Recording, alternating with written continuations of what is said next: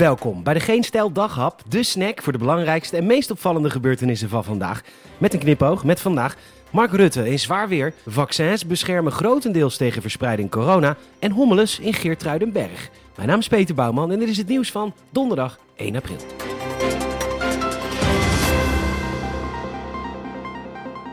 Mark Rutte zit in zwaar weer. De vraag was simpel. Heeft u gesproken over de heer Omtzigt tijdens de verkenning? Het antwoord was simpel. Nee.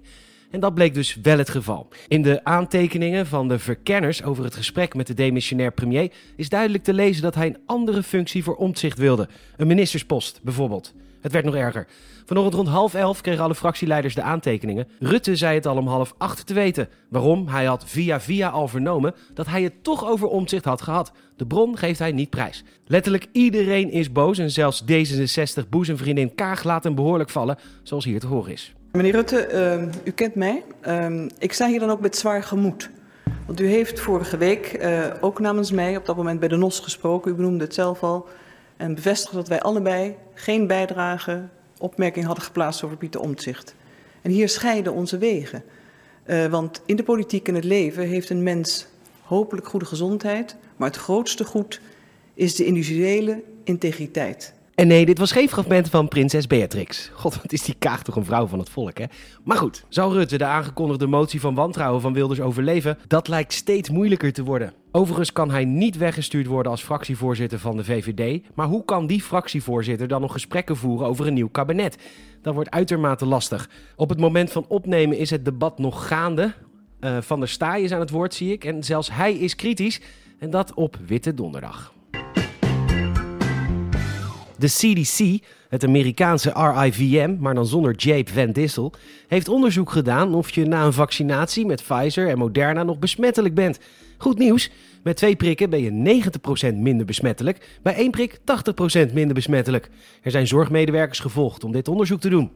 Verder liet onderzoek in Israël soortgelijke resultaten zien. De kans is op dit moment niet heel natuurlijk, maar mocht je gevaccineerd zijn met Moderna of Pfizer, ga niet direct knuffelen met iedereen, want het duurt wel twee weken voordat dit effect optreedt. Patricia Bruining van het UMC Utrecht is enthousiast en in een tweet laat ze weten dat we met een vaccinatiegraad van 60 tot 70 procent het virus eronder hebben. Top! Nu al zin in 2024. Viewer discretion is advised. Het leek vandaag wel een aflevering van Kaps, maar dan in Geertruidenberg. Dik bewapende agenten hebben daar vanmiddag een woning omsingeld omdat er een verwarde man met een vuurwapen opgesloten zat. Enkele scholen gingen dicht, helikopter boven het dorp en het OV werd stilgelegd. Chaos alom, maar vooral popo's met getrokken pipa's. Dat betekent politieagenten met getrokken wapens. We proberen soms een jongere doelgroep te bereiken, je weet zelf. Gelukkig zijn er foto's en videobeelden van, in dit geval van Omroep Brabant. Er zijn ook brandweerlieden en ambulancemedewerkers met speciale pakken tegen gevaarlijke stoffen aangetroffen.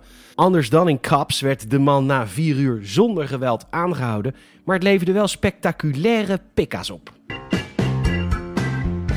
De grote winnaar van vandaag was natuurlijk Hugo de Jonge, want het ging een dag niet over hem. Nou, zo makkelijk kom je er niet mee weg bij de daghap, want de VRT meldt dat de Wereldgezondheidsorganisatie de vaccinatiecampagne in Europa een lachertje vindt. Directeur, dokter en Belg Hans Kluge noemde het zelfs onaanvaardbaar traag. Ongeveer 10% van de Europeanen heeft een prik gehad, 4% heeft er twee gehad. En om de vaccinatie-incompetentie te compenseren, hebben we deze strenge maatregelen nodig. De situatie in het Verenigd Koninkrijk bewijst dat daar volgens schattingen inmiddels 6000 levens zijn gered. En van al die Europese landen doet Nederland het nog slechter. Letland, Bulgarije, Kroatië staan onder ons, de rest staat boven ons. We staan op een vaccinatiegraad van 13,88% Lekker bezig, Hugo. Bijzondere gebeurtenis vandaag in New Mexico in de Verenigde Staten, dat meldt HLN. Een man was lekker boodschapjes aan het doen, komt terug naar zijn auto, zwermen er 15.000 bijen in zijn wagen. Het levert bizarre beelden op en natuurlijk belde de man direct 911, het Amerikaanse 112, maar dan zonder Furt Grapperhouse. Gelukkig was er een brandweerman beschikbaar die in zijn vrije tijd imker is en deze wist de bijen binnen een half uur weg te krijgen middels een bijenkorf. In de lente schijnen bijenkolonies vaak te splitsen en de nieuwe koningin was in de auto gaan zitten. Het middel om ze weg te lokken, citroengrasolie. Twee mensen werden gestoken, een bewaker van de supermarkt en een andere brandweerman, die volgens zijn collega's de volgende dag werd uitgelachen. En dat vinden we dan wel weer zielig. Bedankt voor het luisteren. Je zou ons enorm helpen als je een vriend of vriendin vertelt over deze podcast. En ook een Apple Podcast Review zouden we echt enorm waarderen. Nogmaals bedankt voor het luisteren en tot morgen.